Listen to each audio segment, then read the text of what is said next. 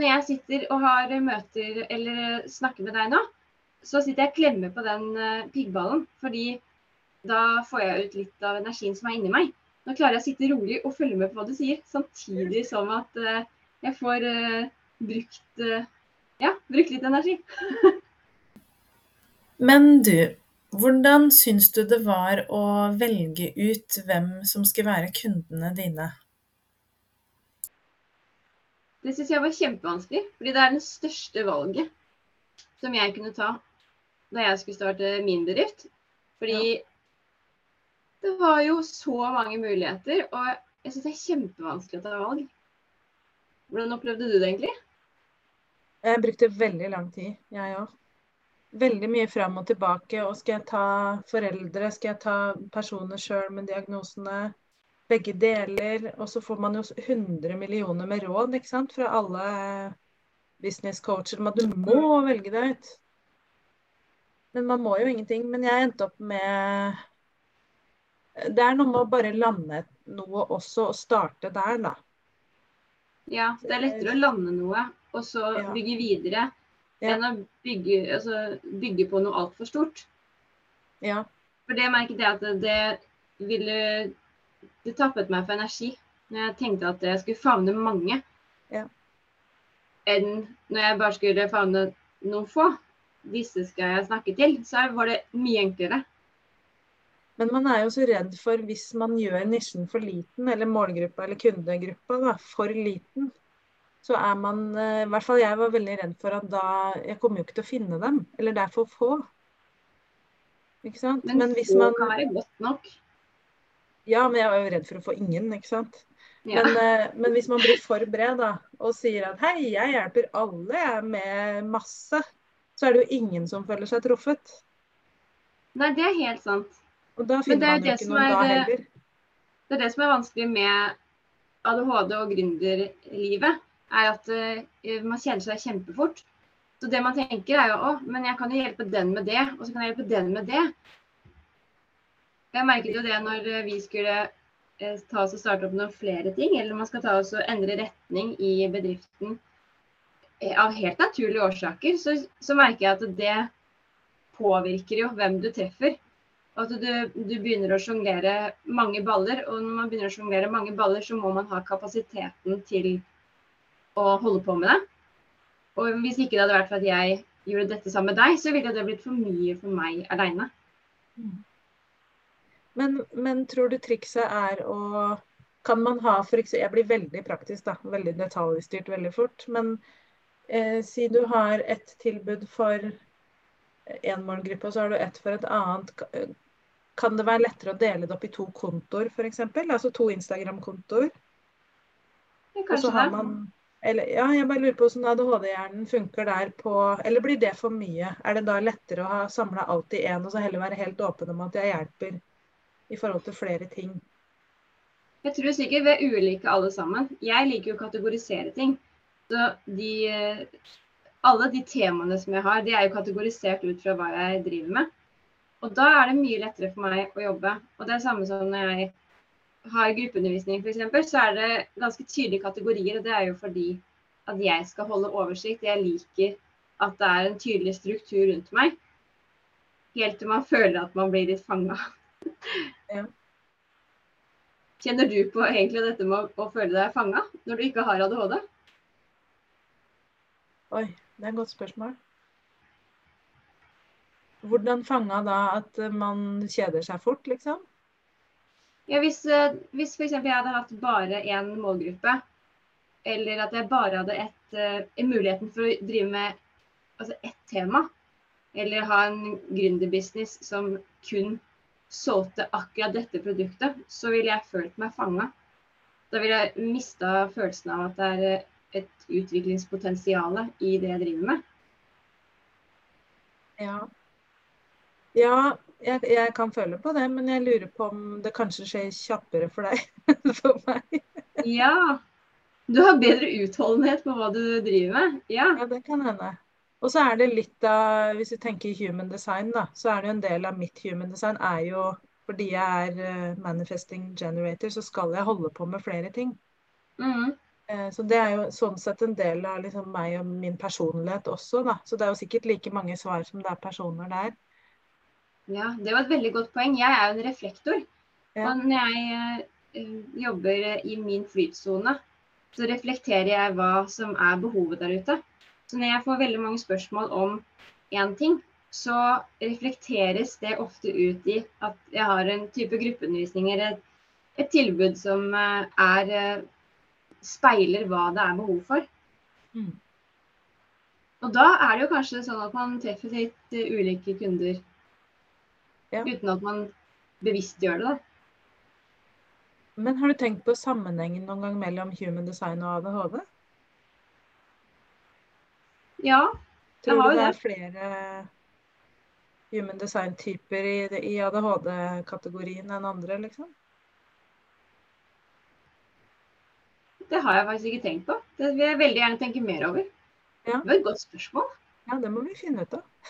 Ja. Det som er uh, veldig spennende, er at uh, de fleste jeg jobber med, som uh, kommer til meg naturlig, nesten sender mail 'Hei, Anne Marte, jeg vil jobbe med deg.' Det er eh, andre reflektorer. Og det er veldig stille. Det er jo Det tar meg bare noen få minutter før jeg bare hm, 'Hvilket eh, human design har du?' Og så Ja. sier de at de er reflektorer. Jeg bare Ja, ikke sant. Det var det jeg følte på meg. Mm. Og det syns jeg er ganske kult. Mm. Har du noen gang spurt om det, Linda? I veiledningssammenheng? har du ikke? Nei, jeg har aldri turt å ta opp human design. Så kult. Nei, det er sånn helt naturlig hos disse menneskene som jeg eh, får lov til å jobbe med. At jeg Ja. eh, kan spørre om det. Jeg tror kanskje jeg er litt sånn redd for at det virker litt for uh, speisa spirituelt. Ja. At jeg, men det handler nok om meg og min prosess. At jeg har ikke kommet så langt at jeg liksom eier det helt ennå, da. Nei, ikke sant? Jeg er fremdeles inne i det spirituelle skapet. Vi må få deg ut derfra. ja. ja. Det er jo du som lærte meg å manifestere, så her er det bare å Ikke sant? Det hjelper jo å si det høyt på en podkast, da. Ja, det er sant. Nå er vi på vei ut. Nå er vi på vei ut. Mm. Men hva er ditt eh, beste tips, eh, Linda? Det er jo å tenke gjennom hvem er det som normalt sett kommer til deg og ber deg om råd. Hva er det folk naturlig kommer til deg for? Hva spør de om? Eh, hva lurer de på? Hva trenger de akkurat din ekspertise på? For det tenker jeg er en god indikator på hva man er god på. For det er jo noen ting som alltid kommer tilbake, og som Ja. man alltid får spørsmål om. Eller nesten kanskje tenke over eh, hvilke eh, situasjoner er det man ofte havner i. Fordi vi har jo ulike energier. Og hva er det hva er, hvilken, Hvilke utfordringer er det folk ofte ønsker å dele med akkurat deg? Mm. For det er ikke sikkert at de spør om råd heller. Det er bare er det, hvilke utfordringer er det folk deler med akkurat deg. Fordi de utfordringene er ikke sikkert de deler med et, en annen venn eller annen venninne. Men det er akkurat deg. Nemlig. Ja, og liksom hva, hva Men for sin egen del òg, da. Man skal jo være sammen med kundene sine hele dagen. ikke sant? Det er jo de man skal jobbe med og bruke tida si på. Så for meg i hvert fall så er det veldig viktig å eh, ha kunder som jeg blir engasjert av å jobbe med. Som jeg merker at når vi avslutter en veiledning f.eks., så er jeg skikkelig gira. Føler at jeg har gjort en god jobb. Er, selvfølgelig må de få noe ut av det, men, men det er jo like viktig at jeg skal holde ut i min jobb, da. Og ha det gøy. Vi skal like det vi driver med. Det er jo Ja. Hele grunnen til at vi driver med det vi gjør, er jo fordi at vi skal få en dag som er altså, skapt for at vi skal kjenne mestring og glede. Mm. Få den der gode følelsen. Men har du eh, gratissamtaler, Linda?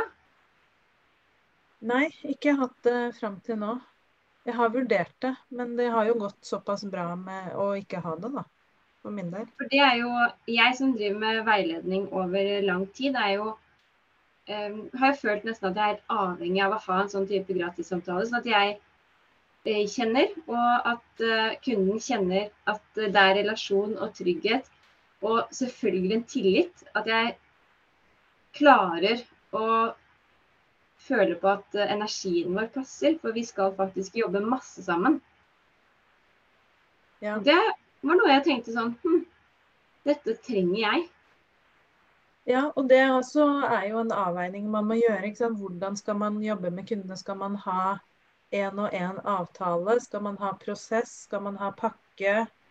Skal man ha et seksmånedersløp? seks måneders løp?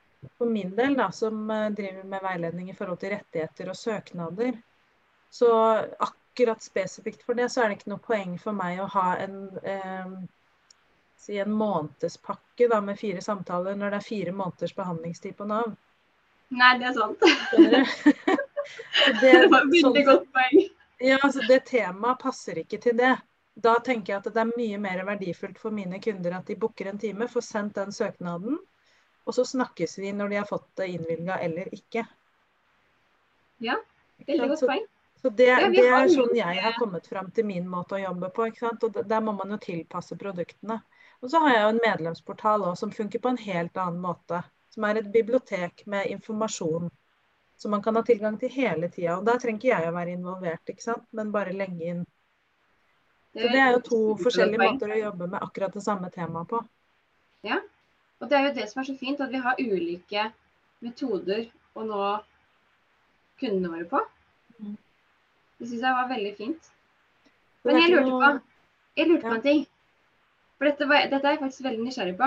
Når, altså før du starta din bedrift, du, eh, opplevde du at du måtte tegne en, en total skisse av hvem din kunde er? Altså alt fra sånn eh, kjønn, alder, rolle. Fordi man får veldig mange altså anbefalinger om å virkelig ha skisset ned en person helt i detalj. Gjorde du det? Eh, kanskje litt oppi hodet. Jeg skrev det ikke ned. Men eh, nei, det har kommet litt sånn underveis. Jeg har jo landa på, etter hvert som jeg har prøvd én-til-én-veiledning, da, at foreldre til barn med autisme og ADHD er jo de som jeg virkelig fyrer meg opp for, da. Som jeg brenner Ja. for. Og det er jo fordi jeg er det sjøl. Så jeg kjenner meg igjen i veldig mye og har gått Jeg kan bruke meg sjøl og mine erfaringer veldig veldig mye. Men så det er liksom og, og når jeg da klarte å lande at jeg skal prøve å henvende, meg til foreldre, så er det jo mye lettere å lage Instagram-innlegga og reelsa og alt òg. Ja. Fordi da kan jeg snakke til Ja, det er en dritt å være forelder noen ganger. Ikke sant? Så treffer jeg dem midt i Mm. hjerterota, og sånne innlegg slår skikkelig godt an, da. ja. Men jeg har ikke, jeg har ikke liksom lagd en forretningsplan for det, på en måte. Eller Nei, for det er veldig mange som anbefaler at man skal skissere den personen nesten ned til hvordan man har klærne på seg. Ja. Og for mitt uh, hode, altså ADHD-hode, så var det en uh, umulighet. Jeg kunne se for meg sånn cirka uh, hvilken, altså, hvilken rolle disse menneskene hadde i samfunnet. Sånn som at jeg jobber mye rettet mot foreldre.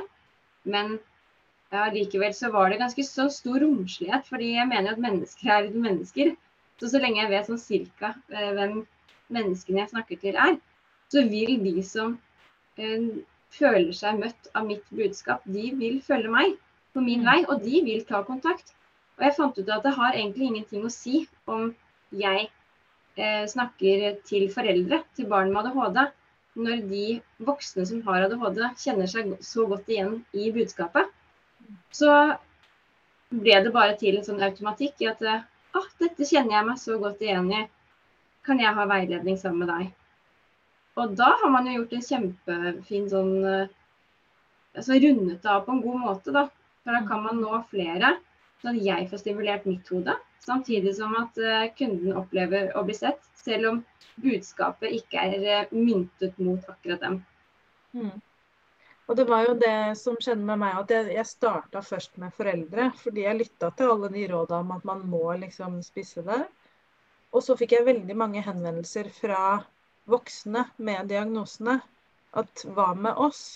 Og da tenkte jeg ja, hva med dere? Det er kjempe? Der er det et markedsbehov da, for dem å Mhm. vite om rettigheter. Og da har jeg heller begynt å skrive har du eller noen nær deg autisme ADHD. Ikke sant? Da favner jeg begge deler. Ja. Og så går jeg ikke inn på som du sa, hva de har på seg. Liksom. Jeg kan ikke så. Men det er diagnosen og rettighet. Det er liksom to stikkord her, da. Ja. Har du det å lure på det, her er vi. Her er jeg. Og jeg kan by på masse god informasjon. ja, det vet jeg. Ja. Og det funker, da. Ja. Ja, det funker kjempebra. Det syns jeg. Mm. Takk. Men hvis vi oppsummerer det her med kunder litt, da. Ja. Eh, Så kan man jo faktisk velge kundene sine. Absolutt. Det tenker jeg man kan. Du Eh, kan velge man har- kunder, du bør gjøre det klokt. Ja. Hvem liker du å jobbe med? Og hvem er det som kommer til deg og, og naturlig søker etter råd, da? Mm. Mm. Eller deler av sine utfordringer. Ja. Og trikset er å lage nisja si brei nok, sånn at man jobber med det man elsker, da. Og favner sine egne behov også. Helt sant. Og hvis man klarer å lage nisja brei nok, så har man også muligheter for å utvikle seg, sånn at ting, eh, man ikke føler seg fanga, eller at eh, det blir en kjedsomhet rundt det. fordi da mister man jo fort motivasjonen. Mm. Så hvis man har en, eh, en altså, Hvis grunnlaget er bredt nok til at man kan tenke utvikling, så har man gjort noe kjempebra. Så bra. Da sier vi det sånn.